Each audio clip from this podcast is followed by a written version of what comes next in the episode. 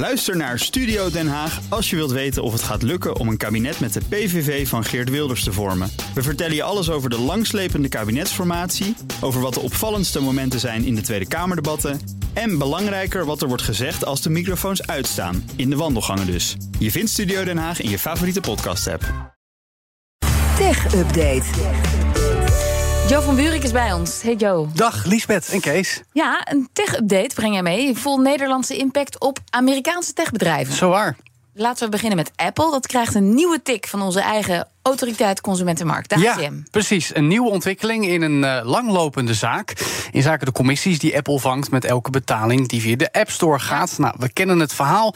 Twee jaar geleden waren er al meerdere onderzoeken van de ACM naar en dwangsommen opgelegd tot 50 miljoen euro.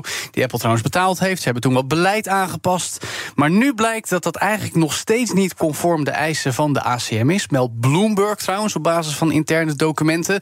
Dat gaat om de hoogte van die commissies. Waarmee volgens onze autoriteit Consumentenmarkt misbruik van de marktmacht aan de orde is. In principe is dat 30% Dat hebben we vaak gezegd. Dat is wat eh, apps moeten afdragen Ja. aan Apple. Als ze wat minder omzet genereren, kan het trouwens ook 15% zijn, horen we vaak.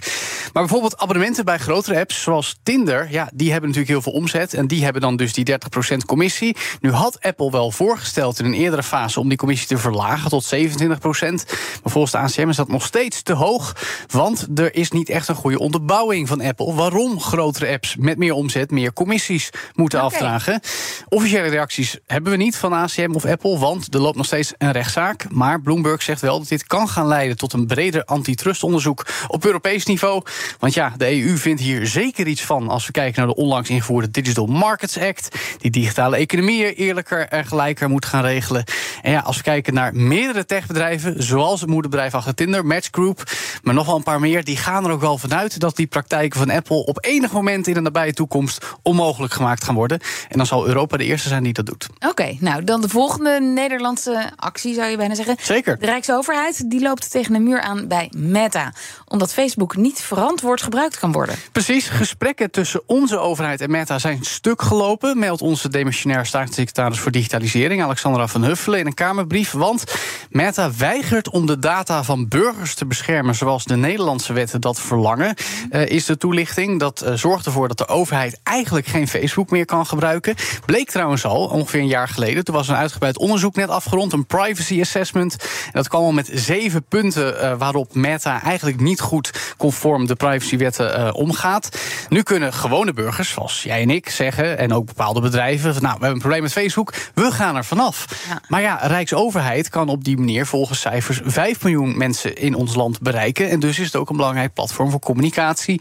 Denk aan pagina's van ministeries, bewindspersonen.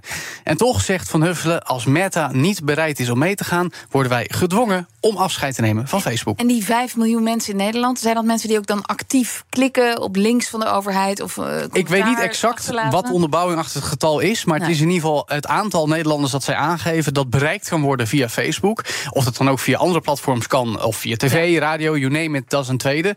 Maar feit is dat er natuurlijk nog steeds miljoenen Nederlanders elke dag veel Facebook zitten. die je daar dus wil kunnen bereiken. Ja. Maar goed, wat gaat er dan nu gebeuren? De kans is er dus dat de Nederlandse overheid stopt met Facebook. Ja, de zaak ligt nu bij de autoriteit persoonsgegevens. Die moet nu gaan beoordelen wie er gelijk heeft. Eh, of Meta het recht heeft eh, om zo om te gaan met persoonlijke data. Of dat ja, Rijksoverheid gelijk heeft. Eh, Meta eh, zou- volgens meerdere landen de privacywetten overtreden. Kijk Ja. bijvoorbeeld naar Duitsland en Noorwegen, waar toezichthouders de afgelopen tijd kritisch zijn geweest. In Noorwegen loopt trouwens al twee maanden lang een dagelijkse dwangsom van 100.000 euro per dag.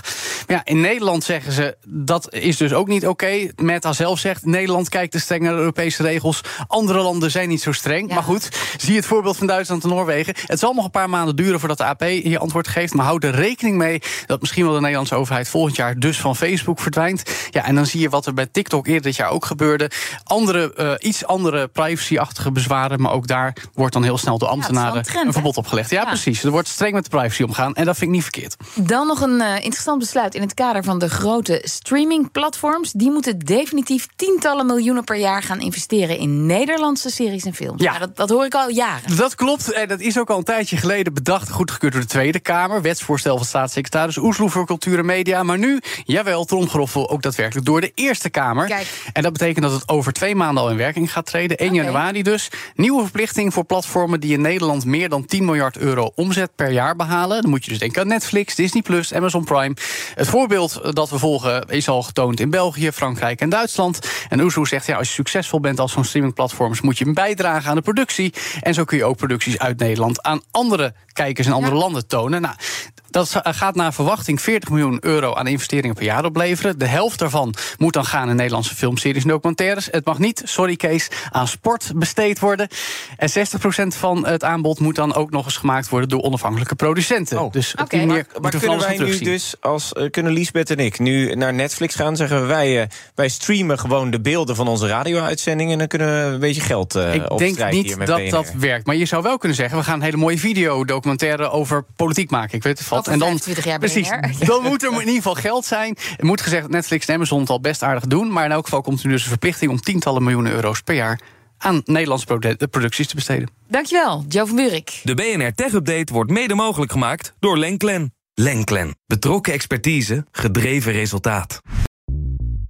Bij BNR ben je altijd als eerste op de hoogte van het laatste nieuws. Luister dagelijks live via internet. Bas van Werven. En heel langzaam komt de zon op rond dit tijdstip. Je krijgt inzicht in de dag die komt op BNR, het Binnenhof in Nederland en de rest van de wereld. De Ochtendspits. Voor de beste start van je werkdag. Blijf scherp en mis niets.